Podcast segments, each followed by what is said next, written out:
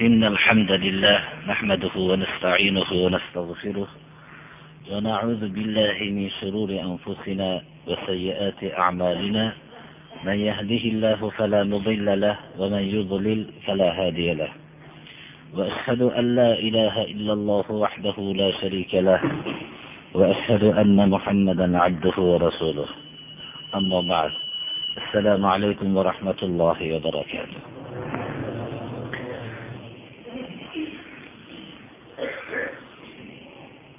Alloh subhanahu va taolo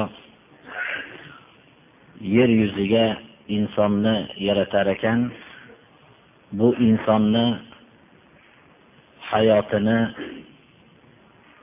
ikki qismdan iborat qildi. Hayotining bir qismida alloh subhanahu va taoloning yaratgan borliq bilan birga bo'lgan majburiy hayotidir.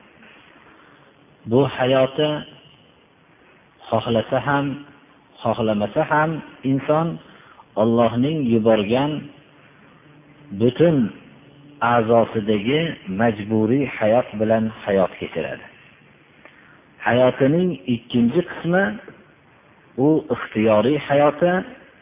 Mana bu ixtiyoriy hayoti bilan boshqa mavjudotlardan farq qiladi va shu ixtiyoriy hayoti bilan alloh subhanahu va taolo insonni mukarram qilgan. Shu ixtiyoriy hayoti berilganligi bilan u olloh subhanahu va taolo tarafidan mukallaf qilingan. Alloh subhanahu va taolo shu ixtiyoriy hayotni berib unga taklif ya'ni shariat yubordi. Ba'zi narsalarga buyurdi ba'zi narsalardan qaytardi. U qaytishligi ixtiyori bilan qaytadi va qilishligi ma'siyatlarni ham ixtiyori bilan qiladida ixtiyori bilan yaxshi ishlarni qilib alloh subhanahu va taolo tarafidan mislsiz bo'lgan mukofot jannatga sazovor bo'ladi va ixtiyoriy hayoti bilan ollohni buyruqlarini qilmasligi bilan jahannamga o'tin bo'ladi. Mana bu narsani biz yaxshi tushunmoqligimiz kerak. Shariat taalluq topadigan insonga taalluq topadigan o'rni mana bu ixtiyoriy hayotidadir. Shariati islomiyaning ahkomlari vallohu alam ulamolarning mana taqsimi bilan shar'iy hukmlarni uch qismga bo'lishganlar. Birinchi qismi e'tiqodiy hukmlar. Ikkinchi qismi axloqiy hukmlar. Uchinchi qismi amaliy hukmlardir. E'tiqodiy hukmlar alloh subhanahu va taolo bizlarni yagona o'zigagina ibodat qilishlikka va hech bir narsani sharik qilmaslikka buyurgan hukmlardir. Bu ibodatning asosi tavhiddir. Mana bu tavhid bizning e'tiqodiy hukmlar jumlasiga kiradi. Biz bunda iymonni davo qilar ekanmiz. E'tiqodiy hukmlarni faqat alloh subhanahu va taoloning o'zining yuborgan qur'oni va rasululloh sollallohu alayhi vasallamning shu qur'oni karimning izoh qilgan hadisi muboraklardangina olamiz. Qur'oni karimda bayon qilingan ollohning sifatlarini tasdiqlaymiz. Rasululloh sollallohu alayhi vasallam bayon qilgan hadisi muboraklarda bayon qilgan e'tiqodiy hukmlarni hammasini qabul qilamiz. Mana bu shariat ya'ni ollohning buyruqlarining hukmlarini bir qismi e'tiqodiy hukmdir. Va shu hukm shariat hukm binosining asos poydevoridir. Bu poydevor bo'lmaguncha insonning hamma qilgan boshqa ya'ni aytib axloqiy hukmlari va amaliy hukmlari barbod bo'ladi. Agarki hayotini hammasini zohidlik bilan o'tkazgan bo'lsin hayotining hammasini bir o'zining nafl ibodatlar bilan o'tkazgan bo'lsin bularning hammasi habata bo'ladi. Shuning uchun e'tiqodiy hukm yakka olloh subhanahu va taoloning o'zigagina ibodat qilish takror aytamiz bu ibodatning asosi tavhiddir. Shuning uchun biz tavhid haqida har doim o'zimizning xonadonimizda va birodarlarimizni o'rtasida tavhid haqidagi bahs birinchi bahsimiz bo'lmoqligi kerak. Axloqiy hukmlar islom islomiy axloqlar. Rasululloh sollallohu alayhi vasallam o'zlarining risolatining tub maqsadini bayon qilib oliy xulqlarni kamoliga yetkazishlik uchun payg'ambar qilib jo'natildi dedilar. Ya'ni oliy xulqlarni u birinchi oliy xulqlarni birinchi xalqqa bildirishlik uchun payg'ambar bo'lganlari yo'q. Chunki oliy xulqlar bashariyat tarixidan rasululloh sollallohu alayhi vasallamdan ilgarigi hamma payg'ambarlar alloh subhanahu va taolo tarafidan olib kelishgan. Oliy xulqlarni olib kelishganda bashariyat go'yoki hayoti go'daklik bosqichidan kamolotga yetishligi bilan buni komil qiluvchi rasul payg'ambarni alloh subhanahu va taolo jo'natdi. Bu zot muhammad alayhissalom bo'ldi. Demak makorimi axloq hayotda davom etib kelayotgan edi. Bu makorimi axloqni tamomiga ya'ni komil qilishlik uchun payg'ambar bo'ldim dedilar. Shuning uchun deb itmom kalimasi bilan o'zlarining muborak hadislarini aytdilar. Chunki risolat shu kundan boshlab bu kishining vafoti bilan risolatga muhr bosildi. Keyin endi qiyomatgacha payg'ambar bo'lmasdi. Mana bu shuning uchun ham rasululloh sollallohu alayhi vasallam makorimi axloqni kamoliga yetkazishlik uchun payg'ambar qilib jo'natilindim dedilar. Axloqiy hukmlar mana hammamizga ma'lum. Birinchi islomning asosi sodiqlik. So'zda sodiq bo'lish muomalotlarda sodiq bo'lish mana bu narsa islomiy hukmlar ya'ni axloqlardir. Ahdlarga vafo qilish va'dalarga vafo qilishlik omonatlarni o'tashlik bu omonatlar juda ko'p. Har bir axloqni zikr qilinganda qur'oni karimda mufrat lafzi bilan iste'mol qilingan bo'lsa omonat kalimasi bo'lsa jam kalimasi bilan keltirilgan. Omonatlarni o'zini egalariga o'tashliginglarga olloh buyuriydi. Omonat birinchi fitrat omonati insonni alloh subhanahu va taolo pok fitrat bilan yaratdi. Uni tavhidni qabul qiladigan ozoda tabiat bilan yaratdi. Mana bu fitratga xiyonat qilmasdan tavhidni ixtiyoriy hayotida ham olishlik bu fitrat omonatiga xiyonat qilmaslikdir. Omonatlarga xiyonat deganda ahli ilmlar ilm omonati ilmni bilgan kishilar o'zidan boshqalarga yetkazishlik omonati mana bu omonatni alloh subhanahu va taolo ahli ilmlardan oldi. Alloh subhana va taolo payg'ambarlardan bu ahdni oldi. Albatta odamlarga bayon qilib berasizlar bekitmaysizlar dedi degan ahdni oldi. Bu ahdni buzganlarni alloh subhana va taolo halok qilib tashladi o'tgan ummatlarni ichida. Buni ummati muhammadga sollallohu alayhi vasallamga qur'oni karimda bayon qildi. Omonatlardan otalarga farzandlar omonatdir bularni haq yo'lda tarbiya qilishlik omonati ayollar er kishilar qo'lida omonatdir bularni shariatga muvofiq bular bilan hayot qurishlik omonati yuklanadi. Qari ota onalar farzandlarga omonatdir bular ota onalar haqqini o'tashlik farzandga omonat yuklatiladi. Xullas biz haqiqiy omonat deganda faqat iqtisodiy omonatni tushungan omonat ham omonatdir bu omonatlarni egasiga berishlik bu alloh subhanahu va taolo buyurgan omonatlardandir bu axloqiy hukmlar qilishlik bilan ajrga ega bo'lamiz qilmaslik bilan allohga osiy bo'lamiz. Mana bu narsani bilib qo'ymoqligimiz kerak. Lekin biz omonat deganda faqat moddiy narsanigina qo'limizda turishligini omonat deb tushunishligimiz moddiy falsafa hukm surgan hayotda yashaganligimiz natijasida omonat ma'nosini ham iqtisodiy omonatni o'ziga cheklab qo'yganmiz. Xususan farzandlar ichida qizlar omonatdir ularning islomga muvofiq tarbiya qilish va islomga muvofiq xonadonlarga kuzatish bu omonati otalar onalar ustidagi vazifadir birodarlar.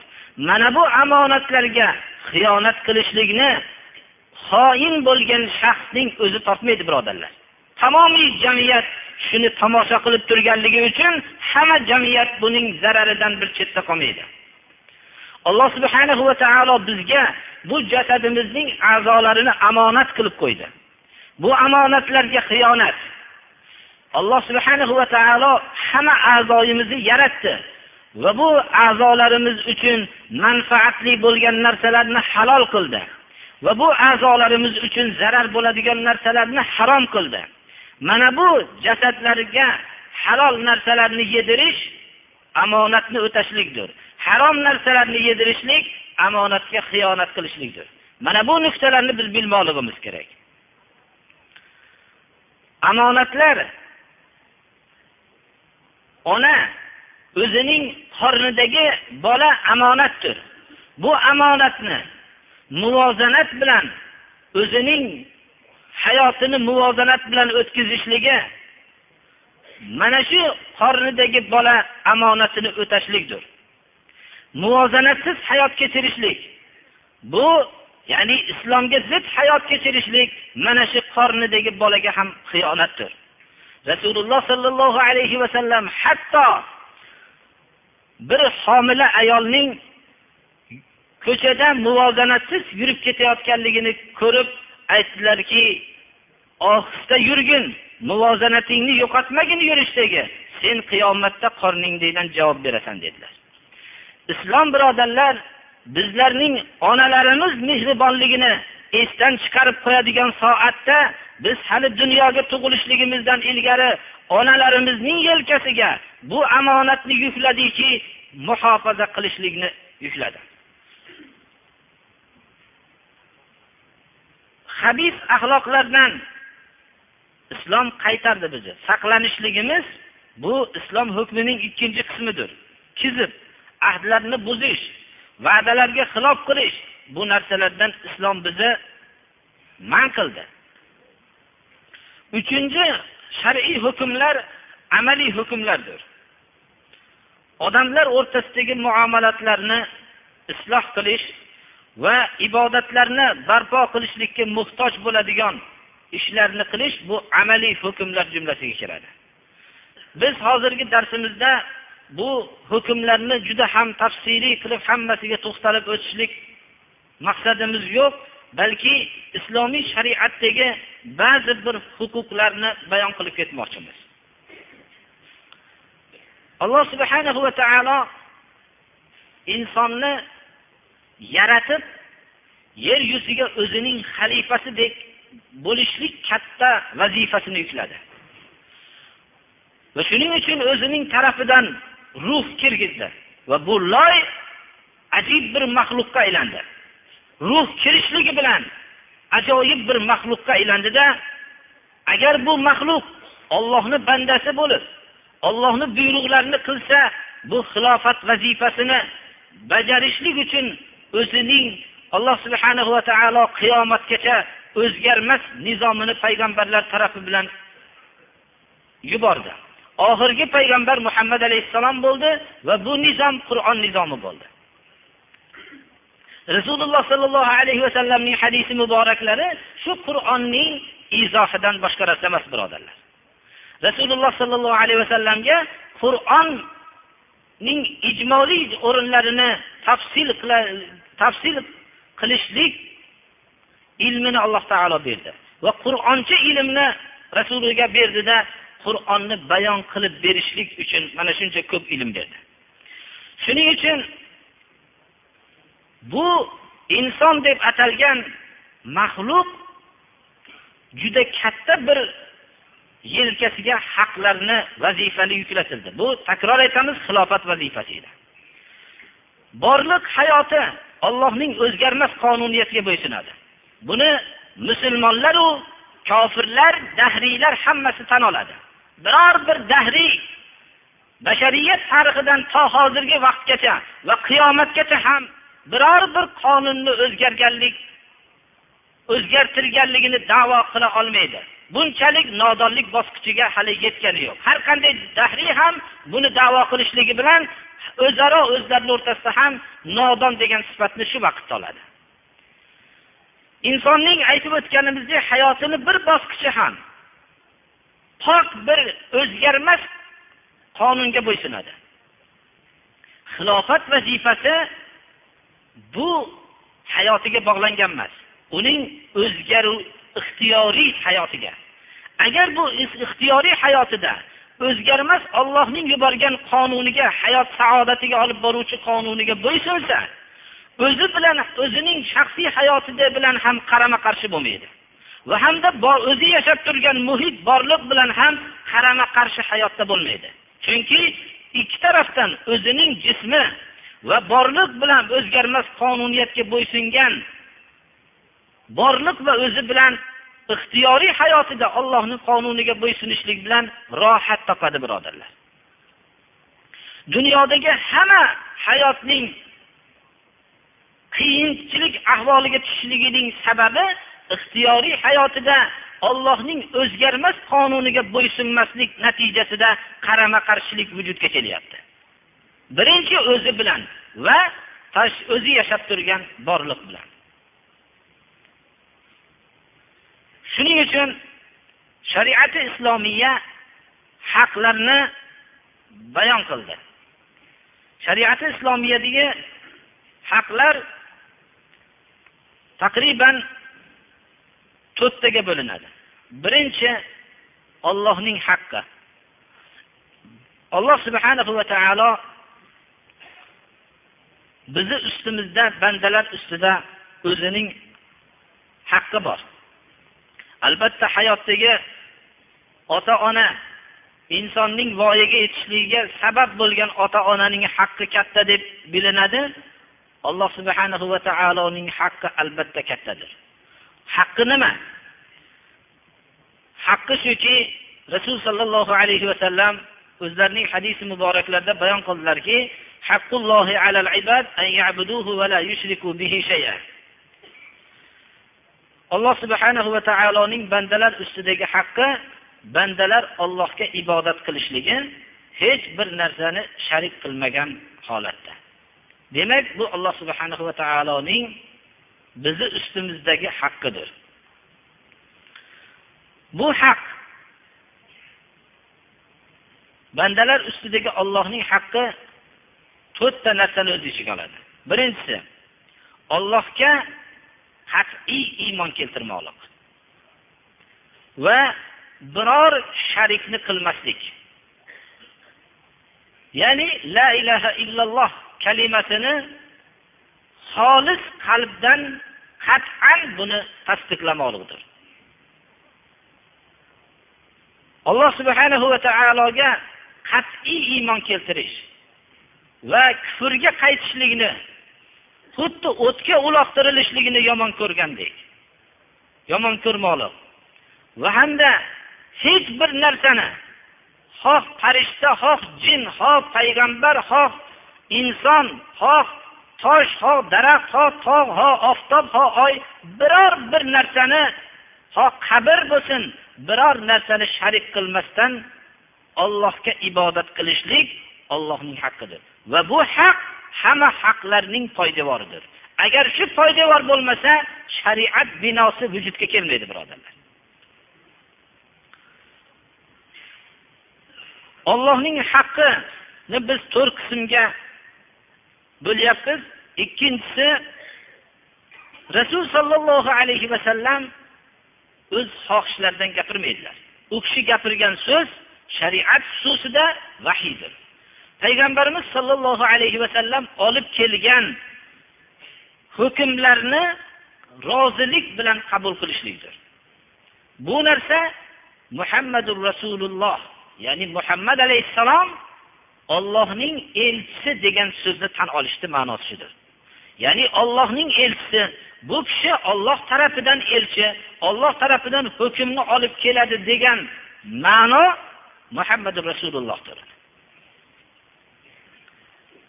Uchinchisi ollohga itoat qilish ya'ni iymon keltirgandan keyin. Bu ollohga itoat qilish olloh buyurgan narsani qilmoq va qaytargan narsadan qaytishlik bilan bo'ladi. Ya'ni bu degan so'z ollohni kitobi va rasulining sunnatiga amal qilishlik bilan ollohni haqqini o'tolmaymiz birodarlar. To'rtinchisi ollohning ibodatidir. Ya'ni bu farzlarning bajarishlik bilan bo'ladi. Kimda kim hozirgi aytilgan to'rtta haqlarni bayon qilma o'zi amal qilmasa ollohning haqqini o'tamayotgandir. U dunyodagi hamma haqni o'tashligining zarracha e'tibori bo'lmaydi. Biz mana bu haqni o'tashlikda biz daqiq bo'lmoqligimiz kerak. Ota onalarni haqqini o'tayotgan odamlar agar ollohning haqqini o'tamasdan turib o'tayotgan bo'lsa u hech qanday haqni o'tayapman deb davo qilishligi haqqi yo'q. Biz takror aytamiz bu ollohning haqqini o'tashlik butun haqlarning poydevori deb bilmoqligimiz kerak. Asosi agar bu haq o'talmaydigan bo'lsa dunyoni hammasini o'zini e'tiqodicha bo'lgan yaxshilik bilan. Biz hech qachon uni yaxshilik demaymiz. O'zining e'tiqodicha yaxshilik deb atalgan narsani qilib to'ldirib yuborgan bo'lsa ham u odam hech qanday bir haqni o'tamayotgan odam deb bilamiz. Misol keltirishligimiz bunga hech o'xshatib bo'lmaydi birodarlar. Fikrimizga yaqinlashtirishlik uchun aytamiz. Bir kishi o'zining dadasini haqqini o'tamasdan dadasiga biror bir yaxshilik qilmasdan dadasining ashaddiy dushmani bo'lgan bir yahudiyga hamma yaxshilikni qilib yurib men yaxshilik qilib yuribman degan vaqtida yahudiy tasdiqlaydi xolos birodarlar. Hatto yahudiy ham biladiki u o'zi aldanib menga yaxshilik qilyapti deb biladi u narsani misoli shunga o'xshaydi. Alloh subhana va taoloning haqqini o'tamay yurishlik boshqa haqlarni o'tashlikning hech qanday e'tibori bo'lmasligi kerak. Bizning ba'zi bir kishilarimiz bor islomiy axloqlarni ba'zini qiladi. Masalan yetimparvar. Yoyinki bir odamlarning islom yetimparvar juda. Va ba'zi kishilar ko'chalarni isloh qiladi. Lekin ollohni haqqini o'tamaydi ular. Biz uni ollohni haqqini o'tamayotgan va boshqa haqlarni o'tayotgan odamni biz e'tiborga olmaymiz birodarlar. Islom ham e'tiborga olmaydi. Shuning uchun biz e'tiborga olmaymiz. Ikkinchi haq insonning jasadini haqqi ollohni haqqini bildik. Olloh buyurgan narsalarni o'tash va qaytargan narsalardan qaytishlik bilan bo'ladi. Insonning jasadini haqqi shariat bayon qilgan haqlar. Birinchi jismini bekitishlikka ma'mur bo'lgan o'rinlarni bekitishlik. Er kishi ma'mur bo'lgan o'zining avratini bekitishlikka. Avrat aksar ulamolarning fikrida kindik bilan tizza o'rtasidagi masofani hammasini avrat deb hisoblanadi. Er kishiga nisbatan. Va ayol kishi o'zining jasadini bekitishlik bu jasadining haqqidir. Jasadini bekitishligi bu jismini haqqini o'tashlikdir birodarlar. Va o'zining a'zolari masalan poklanishligi zarur bo'lgan o'rinlarni poklashlik va haftada loaqal bir marta g'usl qilishlik va jasadning o'zini istirohatdan bo'lgan ulushini berishlik ovqatlanishlikdan bo'lgan ulushini berishlik bu narsalar hammasi jasadning haqlaridir. Bu jasadning haqlari ekanligini dinsiz odamlar ham jasadning bu haqlari bor ekanligini ular bayon qilishdi. Lekin bayon qilishganda faqat jasadning haqqini bayon qilishdi ular bu bayonni islom nima deydi? Islom bu haqni odamlar bu haqlar haqida o'ylashligidan bir ming to'rt yuz yil ilgari bizga bayon qilgan. Jasadni bekitishlikni islom o'rgatdi birodarlar. Bu poklanishlik o'rinlari tirnoqni olish maxfiy tuklarda tozalanishlik va insonga bir zarar bo'ladigan narsalardan tozalanishlar hammasini islom o'zining bu minal fitra ashrun minal fitra kalimasi bilan boshlangan rasululloh sollallohu alayhi vasallam hadisi muboraklarida bayon qildilar. Bu narsalarning hammasi jasadning haqqidir birodarlar. Bu haqni o'tashlikka biz ma'murmiz. Modomiki iymonni davo qilsak bu ixtiyorli emasmiz birodarlar. Bandalarni haqqini o'tashlik o'zaro bandalarning haqqini o'tashlik birinchi er kishining ayoldagi haqqi ayol kishining erdagi haqqi bularni islom bayon qildi. Farzandlarning otalardagi haqqi otalarning farzandlardagi haqqi va qarindoshlarning alohida haqqi yon qo'shnilarning haqqi qarindosh qo'shnilarning haqqi begona qo'shnilarning haqqi yetimlarning haqqi musofirlarning haqqi bu narsalarni hammasini islom bayon qildi. Bu haqlar haqida olam hayoliga ham keltirmagan davrlarda bayon qildi. Fuqarolarning haqqi miskinlarning haqqi bu haqlarni har bittasini bayon qilishlik takror aytamiz bizni mufassal bayon qilishlik darsimiz bunga bog'lanmaganligi uchun ijmoliy suratda aytib ketyapmiz hatto masalan musofirning haqqini agar musofir kishi biror shaharga kelsa shu shahar ahli agar shu musofirni ziyofat qilmasa shu shahar ahli hammasi gunohkor bo'ladi.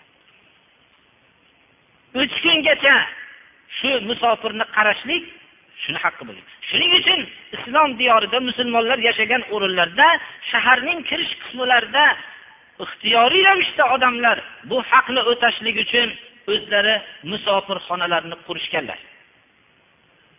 Bizlarga boshqa dahriylar aytishadiki ilgarigi davrlarda katta mehmonxonalar bo'lmagan deb bizlarga masxara qiladi. Mehmonxonalarni bo'lishligi faxr emas birodarlar. U mehmonxonalar hammasi pullik mehmonxonalar. Mehmonxonalarning bo'lishligi jamiyatda odamlar mehmonni kutishlikka tayyor bo'lmasligiga dalolat qiladi.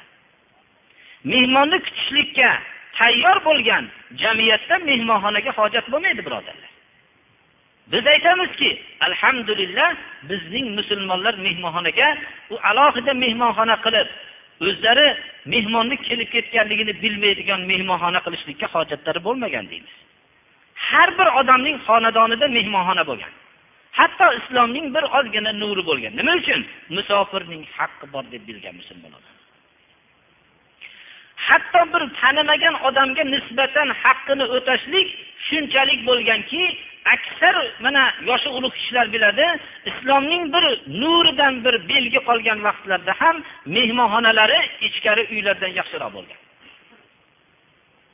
Mana bu narsa musulmonlar o'zlarining haqlarini o'tashlik jamiyatda juda ko'p tarmoqlarning yo'q bo'lib ketishligiga sabab bo'ladi birodarlar. Hatto islom nafs ya'ni haqlarni ichida birinchisi bandalarni haqqi birinchisi jasadini haqqi degan bayonimizda bandalarning haqqi ham shu bayondan bo'ldi. Ya'ni huququl ibod bandalarning haqlari to'g'risida mana aytib o'tdik birma bir to'rtinchi haq qo'l ostimizdagi narsalarning haqqi. Birinchi qo'l ostidagi kishilarga qo'l ostidagi xizmat qilib turgan kishilar kiradi. Bularning haqqi islom himoya qilgandaqa biror bir yo'l himoya qilgani yo'q. Qo'l ostida xizmat qilib turgan kishilarning haqqini islom qanchalik rioya qilganligini abu hurayra roziyallohu anhu rivoyat qiladilarki abu zar g'iforiyni ko'rdim. U kishi bir xizmatkorlari bilan birga ekanlar. Ikkovlari bir xil libos kiyyaptilar bir xil holatda ko'rdim. Shunda buni sababini so'raganimda rasululloh sollallohu alayhi vasallam aytdilarki sizlarni birodaringlar bu qo'l ostinglardagi xizmatkoringlar. Kimni birodarini qo'l ostida xizmatkor qilib qo'ygan bo'lsa bittanglarga nima kiygan bo'lsa shundan kiydirsin nima yegan bo'lsa shundan yedirsin dedilar. Birodarlar sizni xizmatkor bo'lsangiz o'zingizni sayyidingiz bilan hojiz bilan bir xil ovqat yesangiz bir xil libos kiysangiz bo'lib ham u siz bu ovqatlantirishlik bilan kiyim sizni hojangizni yelkangizdagi vazifa bo'lsa bu xizmatkor bo'lishlikdan kim bosh tortadi? Bu xizmatkor bo'lishlikda hech qanday haqoratni sezmaydi odam. Mana bu narsa bizni islomda odamlar katta mansablarga o'zini urmasligini siri ham shu bo'lgan birodarlar. Chunki ular oddiy xizmatlarni qilishlikda haqoratni sezishmaganlar. Shuning uchun qo'l ostidagi kishilarning qo'l ostidagi narsalarning huquqiga birinchi xizmat qilgan kishilar kiradi. Ikkinchi hayvonlar. Alloh subhana va taolo bu hayvonlarni bizni qo'l ostimizga ham bo'ysundirib qo'ydi.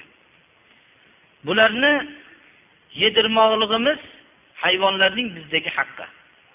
Va bularni yuk, yuk tortadigan bo'lsa toqatidan ortiq bo'lmagan narsalarni yuklashlik ham bizdagi haqqidir birodarlar. Go'shti halol bo'lgan hayvonni go'shtini yeyish maqsadidan boshqa maqsad bilan o'ldirmaslik. Ya'ni buni qatl qilib buni o'yin yo boshqa faqat alloh subhana va taolo bizga buni so'yib go'shtini yeyishlikni halol qildi. Boshqa maqsad bundan boshqa maqsad bilan uni o'ldirishlikni bizga durust emas bu narsa. Hattoki so'yganimizda ham ma'mur bo'ldik mana avvalgi darslarda aytib o'tdik ehsonga yaxshi bir munosabatda bo'lishlikka. Hatto shu so'yadigan asbobni o'tkir qilib yon tarafidan olib kelishlikka ma'mur bo'ldik birodarlar. Bu hayvonlarning bizlardagi haqlarning ba'zilaridir. bu haqlardan men shu narsaga bir to'xtalib o'tmoqchimanki hozirgi jamiyatimizda eng katta bir muammo bo'lib turgan muammolardan استعيذ بالله والوالدات يرضعن أولادهن حولين كاملين لمن أراد أن يتم الرضاعة وعلى المولود له رزقهن وكسوتهن بالمعروف لا تكلف نفس إلا وسعها لا تضار والدة بولدها ولا مولود له بولده وعلى الوارث مثل ذلك alloh subhanahu va taolo bizlarni go'daylik holatimizdan haqqimizni rioya qilishlikni ota onaga yuklab qo'ydi ota ona ittifoq bo'lganda bolaning haqqini o'tab yurishadi qonun ittifoqlik vaqtida kerak bo'lmaydi Chunki ittifoqlik o'zi kifoya qiladida qonun talashlikka hojatini tushunmaydi kishi ammo o'rtada ittifoqlik buzilgandan keyin mana bu oyat shu ittifoqlik o'rtadagi oila buzilgan holatiga ishora qilyapti. Onalar otalar o'rtada ajralish vujudga kelsa farzand tug'ilgan bo'lsa. Qur'oni karim bizga qanday holatda haqni o'tashligini ko'rsatyapti. Onalar o'zlarining farzandlarini ikki yil to'la sut bilan qarashga majbur qilib qo'yyapti ya'ni bu ixtiyorli emas ikki yil. Chunki farzand ajralish vaqtida mana hayotda biz ko'rib turibmiz eng ko'p ko'rgan davr hozirgi davr birodarlar. Farzandni buni farzandni kerak bo'lsa tarbiyalab ol deb tashlab qo'yadi. Ota ona tashlab qo'yadi. Alloh subhana va taolo onani ikki yil bolaga qarashlikka majbur qilib qo'yyapti mo'min bo'lsa mo'mina bo'lsa ayol majbur ikki yil qarashlikka.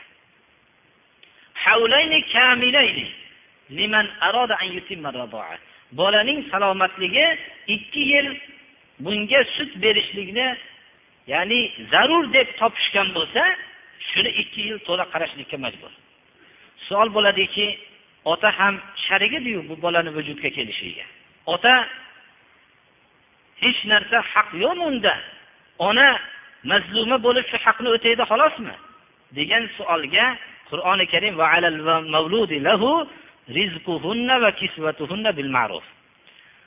ota uchun yedirish va kiydirish o'rtacha miqdorda ayolini ya'ni farzandning onasini o'rtacha miqdorda yedirish va kiydirish vazifasini yuklab qo'yyapti ixtiyorli emas majbur bu. Ajralgandan keyin ham o'rtacha miqdorda shu oila qurib turgan vaqtdagi miqdorni berib turadi. Hamma kishini ham o'zining toqatida bor narsaga taklif qilinyapti. Onani yedirib kiydirishlikka buyurayotgani yo'q islom.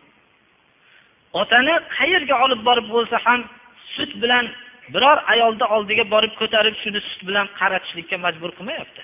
O'zining toqatida bor narsaga buyuryapti. Shunda sharoit bo'lishi mumkinki ba'zi onalar agarchi ota yedirib kiydirmasa ham bolaga mehribonligidan qarashligi mumkin. Bu hayotda topiladigan surat. Yedirib kiydirmasa ham qaraveradi. Shunday mehrni berib ota ozroq ma'ruf o'rtacha miqdordan ozroq narsa olib bormasin. Kiyadigan narsani ham ozroq qilib olib bormasin. Mumkinki ba'zi onalar otaning farzandga mehrini bilib buning mehri qattiqligidan foydalanib olishim kerak deb ko'p narsa talab qilib qolishligi ham mumkin. Bu agar ko'p narsa olib kelmasang yeydigan va kiyadigan narsalarni men bu bolaga qaramayman desam ko'p narsa olib kelishlikka majbur degan fikr bilan ham onani ham zararlantirilmaydi bolasi sababli otani ham zararlantirilmaydi. Ikkovini ham zararlantirmaslikka islom o'rgatyapti. Endi shunday surat bo'lishi mumkinki ota vafot qilib qolgan bo'lsa. Ota vafot qilib ketgandan keyin farzand onani qo'lida qolsa alloh subhanahu va taolo farzandga bizning ota onalarimizdan ham mehribonligi shuki otaning merosxo'riga otaning ustidagi vazifani yuklaydi. Ota o'tib ketgandan keyin ham bolani haqqini o'tashlik otaning merosxo'riga vazifasi yuklatiladi. Otadan qolgan meros katta bo'lganda olarmidi merosxo'r endi foydagagina merosxo'r bo'lmasin. Vazifaga ham merosxo'r bo'lsin. Birodarlar shunchalik bizning ota onalarimiz tashlab yuboradigan soat bo'lib qolganda ham olloh bizni himoya qilyapti. Alloh subhanahu va taolo bizni shunday og'ir soatda hatto onalarimiz otalarimizning qalbidan mehr ko'tarilgan vaqtida ham olloh o'zining mehribonligini ko'rsatyapti. Mana shunday ollohning haqqini bajarmayapti odamlar. Mana shunday hali boshqa nozi ne'matlarni qo'yaylik. Mana shunday hatto ota onamiz mehribonligini yo'qotayotgan vaqtda ham bizga mehribon bo'lgan ollohni haqqini o'tashlik loyiq emasmidi? Shuning uchun alloh subhanahu va taoloning haqqi hamma haqlardan baland turadi bu haq ollohni o'zigagina ibodat qilish hech bir narsani sharik qilmagan holatda. Alloh subhanahu va taolo bandalar ollohning haqqini o'taganda olloh subhanahu va taolo o'zining o'zida ham bandalarning haqqi bor deb rasulini tili vositasi bilan bizga bayon qildi. Agar buni rasululloh sollallohu alayhi vasallam aytmaganlarida biror insonning jur'at qilishligi haqqi yo'q edi. Nahotki shu zaif bandalarning ham ollohda haqqi bo'ladimi deb? Mana bu haq nima? Agar ollohni haqqini bandalar o'tasa ollohda ham bu zaif bandalarning haqqi bor. Bu haq alloh subhanahu va taoloning haqqini o'tagan bandalarni olloh azob bermaydi. Mana bu haqlar haqida agar bir bayon qilinsa juda uzoq vaqtni o'z ichiga oladi. Birodarlar bu haqlarni biz yaxshi bilmoqligimiz kerak rasululloh sollallohu alayhi vasallam bu haqlarga ishora qilib aytdilarki وإن لعينك عليك حقا وإن لزوجك عليك حقا وإن لزورك عليك حقا imom buxoriy imom muslim abu dovud nasoiy to'rovlari o'zlarining jomi sahiylarida va sunanlarida keltirdilar jasadingni senda haqqi bor dedilar Ko'zingni senda haqqi bor dedilar.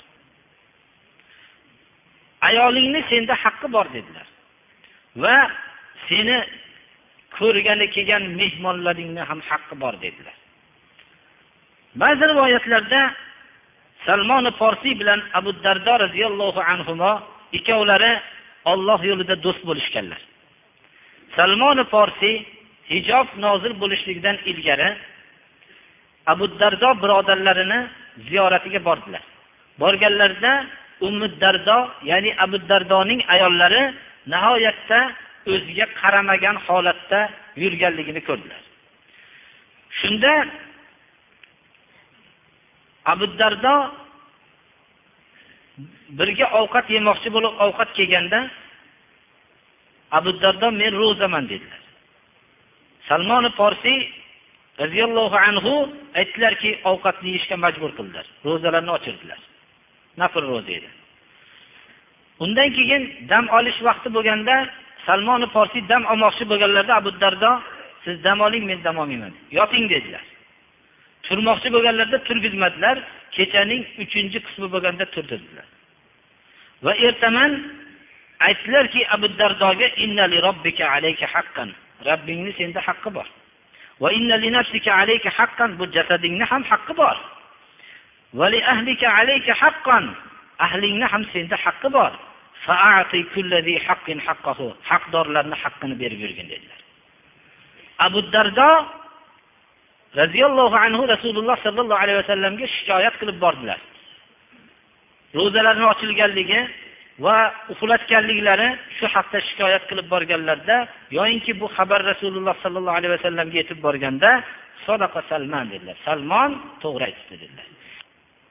Joyida o'tashlikdir birodarlar. Islom yo'li tarki dunyochilik yo'li emas birodarlar.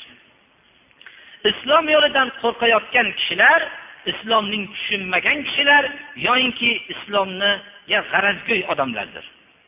Islom yo'li agar islomni hayotlariga tadbiq qilishsalar ular hech qanday ko'p muammolarni yechishlik to'g'risida bosh qatirisholmaydilar bosh qatirishlikka hojatlari bo'lmaydi. Islom yo'li eng pokiza yo'ldir. Islomdan qo'rqayotgan odamlar ular takror aytamiz islomni tushunmagan odamlar va islomning yoyinki qattiq g'arazgo'ylik bilan ish qilayotgan odamlar. Shuning uchun biz islomning haq ekanligini bilamiz va odamlarga bu saodat yo'li deb bildiramiz va bu saodatni ular ko'rmagan bo'lsa biz ko'rdik deymiz. Buni o'zimizda va tariximizda ko'rdik deymiz. Shuning uchun islomni biz birovga majbur qilib tushuntiramiz demaymiz islomni xohlagan odam qabul qilib dunyoyu oxiratda saodatmand bo'lsin qabul qilmasdan jahannamga o'tin bo'lsin. Shuning uchun biz shariati islomiyadagi haqlarni o'tashlik bilan biz boshqalarga birodarlar namuna bo'lmoqligimiz kerak. Mana bu namunani o'zimizda barpo qilishligimiz bilan inshaalloh odamlar islomni qabul qilishadilar. Aksar takror aytaman malol kelsa ham yoshi katta kishilarimizning haqiqiy islomni tushunmayotganliklarini sirlari ular uzoq vaqt islomni eshitishlikdan bebahra qolishganliklaridir. Shuning uchun biz ozgina vaqt ichida bir narsaga biz aldanib qolmasdan birodarlar haq yo'lni hammamizga tushuntirmoqligimiz kerak va hayotimizni pokiza o'tkazmoqligimiz kerak. Oqibatda dunyodan ketayotgan holatda xatarli holat bilan yomon oqibat bilan ketib qolishlikdan saqlanishlikka hozirgi hayotimizda harakat qilmoqligimiz kerak. O'lim hozir bo'lganda shayton insonga harislik qiladi. Endi u bu hayoti bo'yicha kurashgan odam bilan hal qiluvchi soat kelganligini biladi. Bu soatdan keyin u bilan qaytib kurashadigan maydon yo'qolishligini biladi. Va shuning uchun o'zining hamma harakatini shu inson bechora insonni iymonsiz dunyodan ketishligiga harakat qiladi.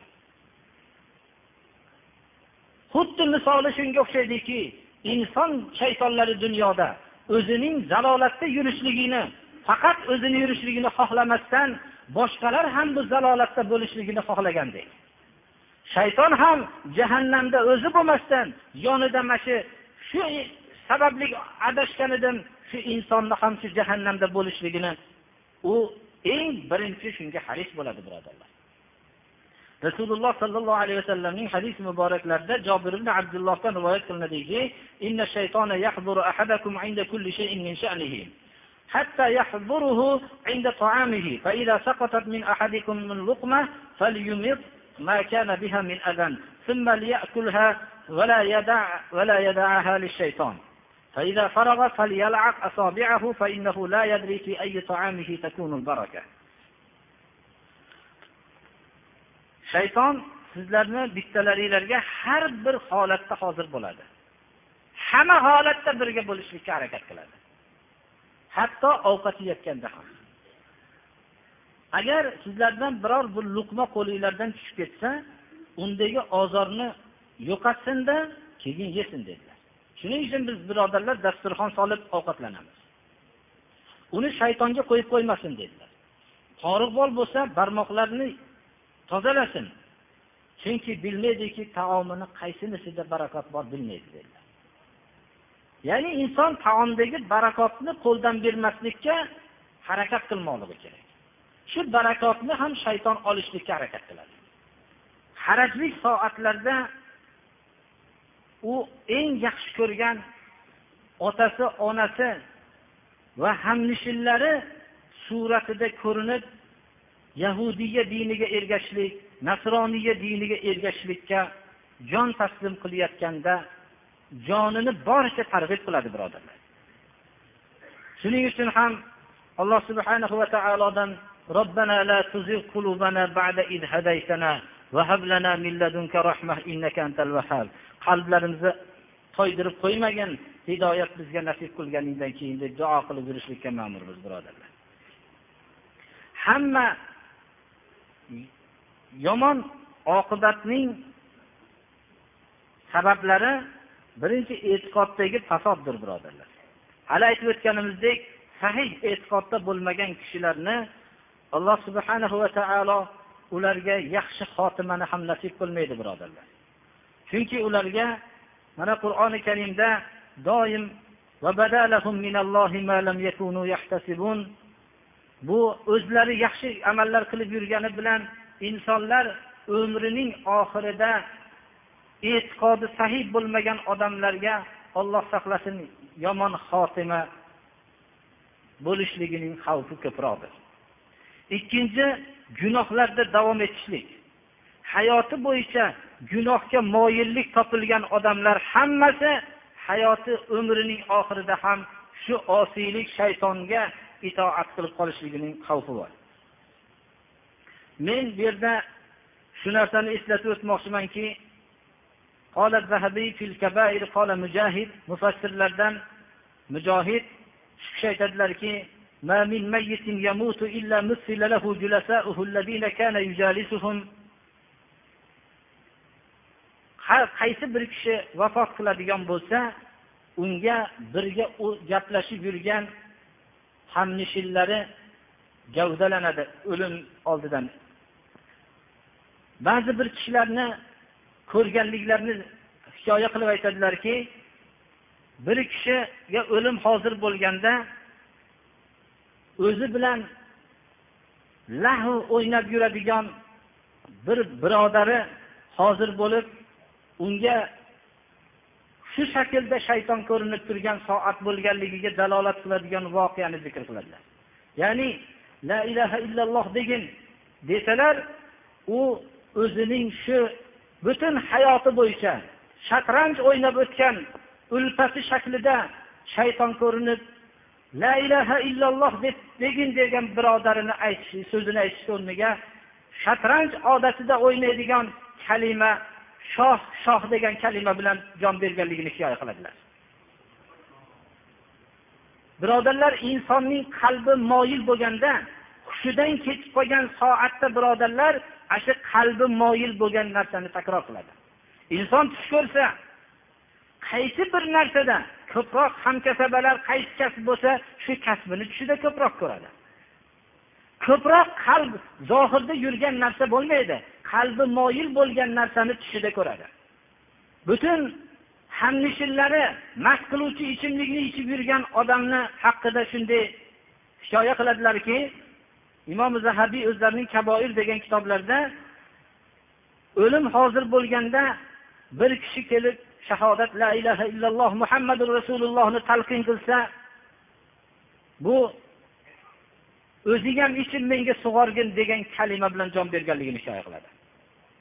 Birodarlar mana bu narsa la havla va la quvvata illa billah hayotdagi insonning ma'siyatga o'rganishligi umrining oxirida yomon oqibat bilan ketishlikka sabab bo'ladi.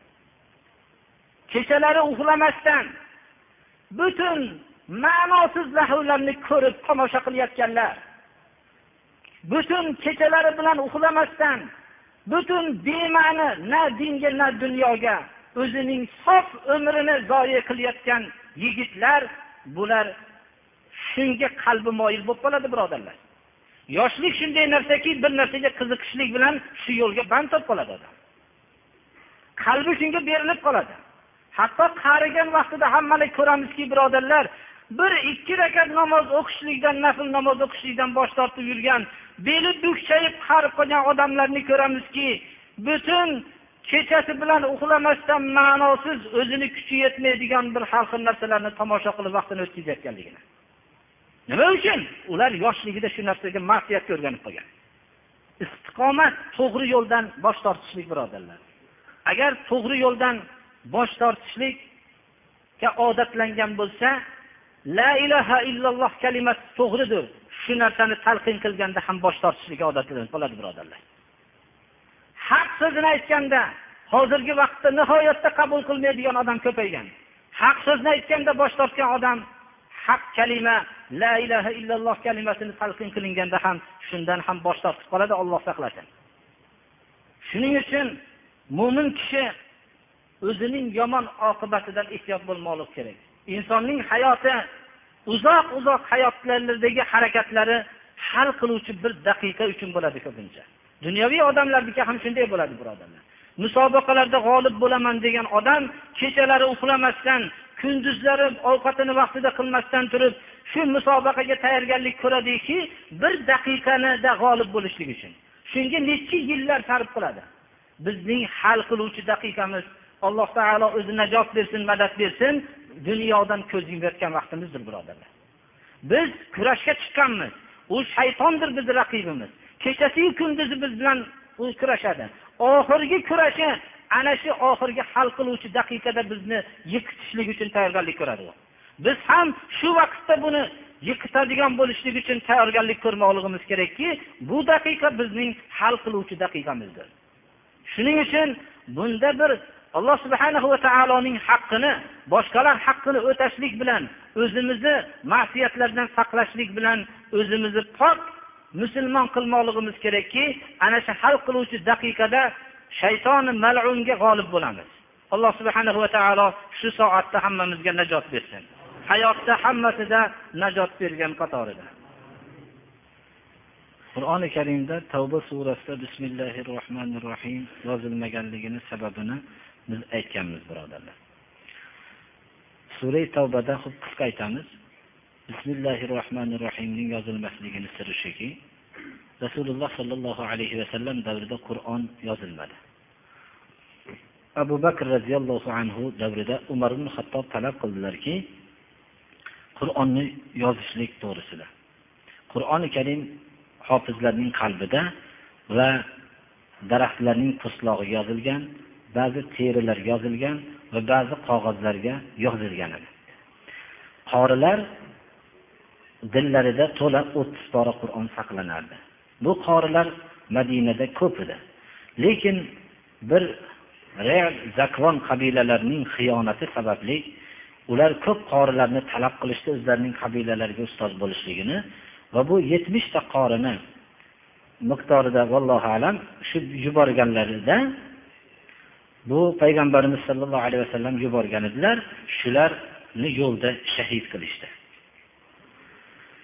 Shuning uchun ham qorilar kamayib ketayotganligiga umar ibn hattob qattiq turib oldilar. Abu bakr roziyallohu anhu avval yozishga ruxsat bermadilar. Keyin qur'oni karimni yozishlik uchun eng hofizlarning kattalarini tanlandi va ularning ustiga zayd ibn sobit roziyallohu anhuni eng bosh qildilar. Chunki rasululloh sollallohu alayhi vasallamni kotiblari edi vahiylarni kitobat qilardilar. Shunda suriy anfolni yozayotganlarida suriy anfolni bilan suriy tavba.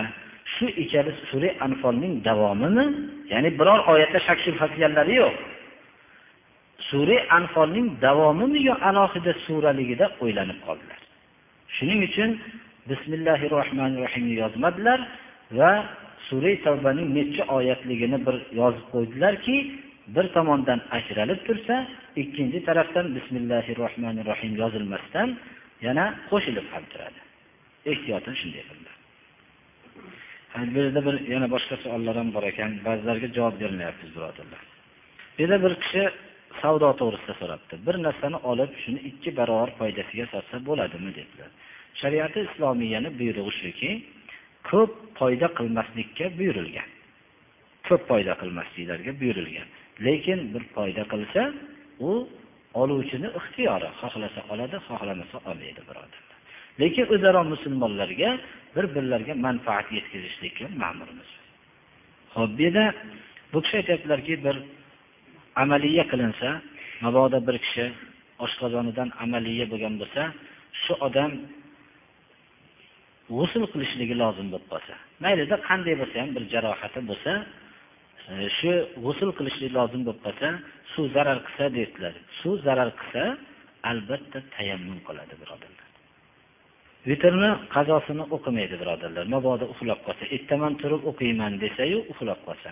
Shuning uchun uxlab qolishligini o'zini odatini bilsa yotayotgandan ilgari yangi tahorat qilib vitrni o'qib yotish kerak. Endi g'assol ya'ni mayitni yuvuvchi kishi g'usul qilib oladimi yo'qmi? Yuvgandan keyin deb so'rayaptilar. Shunda g'assolni ba'zilar g'usul qilib olishligini uga mustahab deyilgan. G'usul qilsa yaxshi bo'ladi. U lekin lozim emas. G'usul g'assolni masalan ba'zi e, rivoyatlar asosida ko'plar g'assol ham g'usul qilsa yaxshi bo'ladi deyilgan. Chunki mayitni yuvgandan keyin o'zi masalan e, bir yuvib olsa yaxshi bo'ladi. Rivoyatlar shunga bor. Va shuni ostida yana so'rayaptiki g'assolga berilgan narsa ko'ngildan chiqarsa ko'ngildan chiqarmasa ham talab qilib olsa bo'laveradi birodarlar. G'assol masalan g'assol bu bir mayitni masalan yuvgandan keyin bunga bir narsa bersa hech narsa bo'lmaydi. O'zi aslida g'assollik o'zi bir kasb bo'lishligi ham jamiyatning buzilib borayotganligini belgisi maishat kasaliga giriftor bo'lishi. Bo'lmasam mo'minlar mo'minlarni yuvishlikka alohida bir g'assolga hojatlari bo'lmasligi kerak.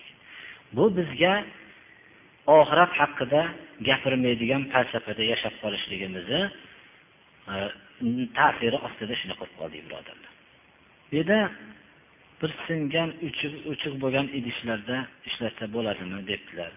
Endi misol bu uchib qolgan idishlarda ishlatsa bo'laveradi birodarlar ba'zi odamlar bundan bir tafaulan ishlatishmaydi. Bir jannatda ham butun idishda suv ichi degan bir narsani o'rtaga qo'yishgan bo'lib ichmaydi lekin bu narsani uchuq idishda bu narsa ichishlikni hech qanday zarari yo'q. Uylanmagan kishi deyaptilar farzandlik beva ayolda olsa bo'ladimi uylansa deb. Bu savol birodarlar bu masalan uylanmagan kishi farzandi bor ayolni uylansa hech qanday bunda u oriyat bunaqa narsa bo'lmaydi birodar xuddi buni aksiki masalan farzandi bor kishiga biror bir joydan qiz bolaga uylangan bo'lsa ham uni ham bir aybi yo'q islomda hech qanday. Mana bu narsa u nikoh degan narsa bu jamiyatda bir qonun bilan yuradigan narsa emas birodarlar. Nikohga islom buyurdiki musulmonlarga pokiza joyda uylanish va qizlarni pokiza joyga berishlikka va ikkita guvoh ostida nikoh tamom bo'ladi. Shu narsaga buyurdi. Lekin buni nikoh degan narsa bu mizojiy masala birodar. Bir odam bir joydan turmush qurgisi kelgan bo'lsa turmush qilaveradi bu narsani. Bunga bu bir qonun aralashishligi xato bu narsaga birodarlar lekin zulm qiladigan bo'lsa majburiy suratda bo'lsa unga qonun aralashadi. Islomda unaqa birovni birov majbur qilmaydi. Islom masalan ijobi qabul asosiga qurilgan bu. Yana bizga shu ishtihodiy masalalardan so'rashligini xohlamasdim so'rabdilar mayli.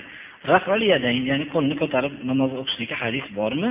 Ko'tarmasdan o'qishga o'qishgachi dedilar ikkovlar masalan sahih hadislardan sihositadan o'n oltita hadis bor yadanga birodarlar. Va boshqa ko'tarmasdan o'qishlikka avzoiy rivoyatlardan abu hanifa bunda qo'llarni ko'tarmadilar degan narsani ham rivoyat qilishganlar. Bu biz ishtihodiy masalalarga aralashmaymiz. Rafiyadan bilan o'qigan odamni bu hadisga asosan ish qilyapti deymiz. Rafiyadan qilmagan odamni shu asosini bilsa biz unga qarshilik qilib bu haqda biz minbardan aytmaslik so'rashga majbur qilib aytyapmiz. Bizni bu yerda ba'zi rahmat mana malomat qilish nimasida bir o'zi haqiqatni so'rab aytibdilar.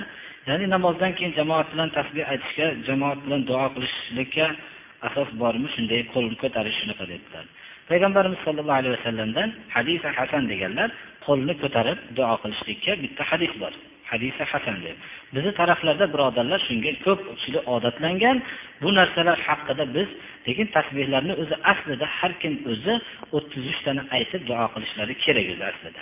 Lekin bu narsa biz hozirgi shu vaqtda shu narsani bizni xalqimiz hozir shu narsani tushunolmayapti birodarlar. Inshaalloh biz o'zimiz darslarimizda aytib qo'yganmiz sekin asta hamma narsani sahih hadislarni o'qib tushuntirib beramiz inshaalloh. Bu yerda ko'p odamlar kasb kasbga bir taalluqli bo'lgan odamlar masalan temirchilar bizni pirimiz dovud deyishadi u zotga atab is chiqarib turishadi shu to'g'rimi yoki debdilar. Biz aytamizki dovud alayhissalomni kasblari temirchilik ekan sovut ilmi sovut qilishlikni alloh taolo u kishiga shu ilmni bergan temirni muloyim qilib qo'ydik. Temir u kishini qo'llarida bir yumshoq harakat qilardi. Alloh subhanahu va taolo shu ne'matni berdi shu mo'jizani. Zakariya alayhissalom duradgor edilar. Endi shu bilan bir odam shu zakariya alayhissalomga duradgorliklarni biladi xolos u kishiga ibodat qilmaydi. U kishini demak aytadiki o'tgan payg'ambarlar kasbga bo'lgan ekan biz ham kasbli bo'laylik deyishadi. Shu zakariya alayhissalom agar kimki zakariya alayhissalomga dovud alayhissalomga shu kishiga atab is chiqarsa qiyomatda shu kishilarni oldida ham javob beradi. Chunki ularga tuhmat bu ular islomni sof aqidani o'rgatishgan odamlarga. Bu yerda misvokni so'rabdilar. Misvok shuki sal ta'mi bor achchiq bo'lgan daraxtni novdasidan qilinsa bo'laveradi. Arab viloyatlarida iroq degan daraxt bor. Mana ko'p misvoylarni hajga borgan kishilar olib kelishgan. Shu iroq degan daraxtniki misvoga yaxshi bo'ladi. Shuning uchun bu bizni diyorlarda bu daraxt bo'lmaganligi uchun u qattiq issiqda o'sadi ta'mi bor bo'lgan daraxtning novdasidan shuni iste'mol qilsa og'izni bo'yini olib tursa shu kifoya qilaveradi birodarlar. Bu bir kishi so'rabdilarki g'ayri tabiiy ekan endi mana o'qib oldik xatlarni. G'ayri tabiiy hodisalarga debdilar ya'ni bir inson bir zohirda sababini bayon qilolmaydigan hodisalarga islom dini qanday qaraydi? Masalan hozirgi zamon tili bilan likopchalar shunga o'xshaganlarga deyapti. Biz aytamizki g'ayb olamini alloh subhanahu va taolo bizga xabar bergan g'ayblarni tasdiqlaymiz. G'ayibga iymon keltiramiz. Bizni ko'zimizga ko'rinmagan olam bor deymiz. Bu ko'zimizga ko'rinmagan maxluqotlar bor. Olloh xabar berganlarni bor deb tasdiq qilamiz. Qolganlarini borligi yo'qligi haqida bahs qilmaymiz to bizga hadislar kelmaguncha shunday olamiz. Hozirgi vaqtda masalan ko'zimizga ko'rinmagan jin albatta bor deymiz. Qur'oni karimda suratul jin bor. Jinlar haqida bu jinlar mukallafdir bizlarga o'xshagan deb tan olamiz. Lekin bu moddiy falsafada o'sgan odamlar g'aybga iymon keltirishmaydi. G'aybni inkor qilishdi. G'aybni inkor qilishaveruvdiki g'aybdan xabar kelib qoldi. Ba'zi g'aybda o'zlari ko'rmagan narsalarni o'zlari ko'rishdi. Agar musulmonlar biz ko'rdik deganda ular xurofiy odamlar deb ularni ustidan kulgan bo'lardi. Lekin umri bo'yi dahriylik bilan o'tgan odamlar ko'rdi. G'aybni inkor qilib yurgan odamlar ko'rdi. Bu yo'q bo'lib turgan narsaga to'qqizta o'zi birov inkor qilib yurgan narsasi paydo bo'lib qoluvdi. Bunga nom qo'yishlikka shoshib qolishdi. Shuning uchun shoshilgandan mana ba'zi millatlarda tug'ilgandan keyin bola tashqariga chiqib qaraydi ko'ziga tezak ko'rinsa tezak qilib qo'yganda unga likopcha deb nom qo'yib qo'yildi. Likopga o'xshagani uchunmi? Likopcha. Birovga endi jon bo'lsa kattaroq bo'lsa jon deb. Xullas endi nima bo'lib ko'ringan bo'lsa shuni shoshib qolindi. Biz unaqa shoshib qolgan xalqlar emasmiz. Biz g'aybga iymon keltirganmiz. Biz iymon keltirgan narsa bo'lyapti ekanda dedik. Biz unga likopcha ham jomon boshqa ham deb nom qo'ymaymiz. G'ayb albatta bu bor narsa. Bu bizga ajablanarli emas bu narsa. Shuning uchun bu islom albatta g'aybga iymon keltirishlik taqvoning birinchi asosi deb oladi. Bu yerda so'ralyaptiki libosni ochig'idan kiyishlik farzmi yoki buyurilgan sunnatmi? degan savollarda davomi shu ekan. Libosni ya'ni biz payg'ambarimiz sollallohu alayhi vasallamning hadisi muboraklarida libos oshiqgacha bo'lishligi kerak. Oshiqni bekitmasligi kerak. Oshiqni pastiga qattiq vaidlar bor bu narsani mana bir minbarda turib bir aytmagan edik. Savol qattiq bo'libdi juda. Ya'ni oshiqning pasi imom buxoriy rivoyatlarida ham ko'p sahih hadislarda qattiq gapirilgan. Biz shuni bilinglar boshqa so'zga o'tmaydi ya'ni. Shu oshiqni pasi bo'lishi mumkin emas deydigan. Oshiq ko'rinib turishlik bo'lmoqligi kerak. Oxiriga nima? Shu manzilda bo'lishligi kerak. Shunga biz ma'murmiz. Islomning hukmlari borki uning hikmatini biz bilmaymiz birodarlar. Umar ibn hattob jon taslim qilayotganlarida aytdilarki oshiq bir kishi keluvdilar qaytib ketayotganlarida jon taslim qilayotganlarida ham amri ma'ruf deb bildilar shuni qaytarishdi bu yoqqa kel dedilar bu libosingni ko'tarib olgin dedilar. Bu robbingga taqvoliroq bo'lasan libosing ham kir bo'lmaydi dedilar. Ba'zi ulamolar shuni kibr maqsadida kiyishlik bo'lmaydi deyishganlar ya'ni kibr maqsadida bo'lsa ana shu vaidlar to'g'ri keladi degan. Kibr maqsadida bo'lmasa bo'lmaydi. Chunki hadislarning iborasi shu xuyalo kalimasiga qayd qilingan deyiladi. Shuning uchun biz ehtiyot bu narsadan o'zimizni ehtiyot qilmoqligimiz kerak birodar. Bu haqdagi hadislarni hammasini hozir o'qib bersak ko'p hadislar lekin hamma hadislar bitta hadis kibrga qayd qilingan. Shuning uchun boshqa hadislarni ham kibrga qayd qilib tushunishadilar. Oshiqni pastida bo'lishligi mumkin emas birodarlar. Alloh subhanahu va taolo duo qiling debdilar. Volidalari kasal ekan alloh taolo shifo bersin. Boshqa bir ilm talab qiladigan kishilarga alloh taolo ilmiga rivoj bersin. Alloh subhanahu va taolo haq yo'lda barqaror qilsin.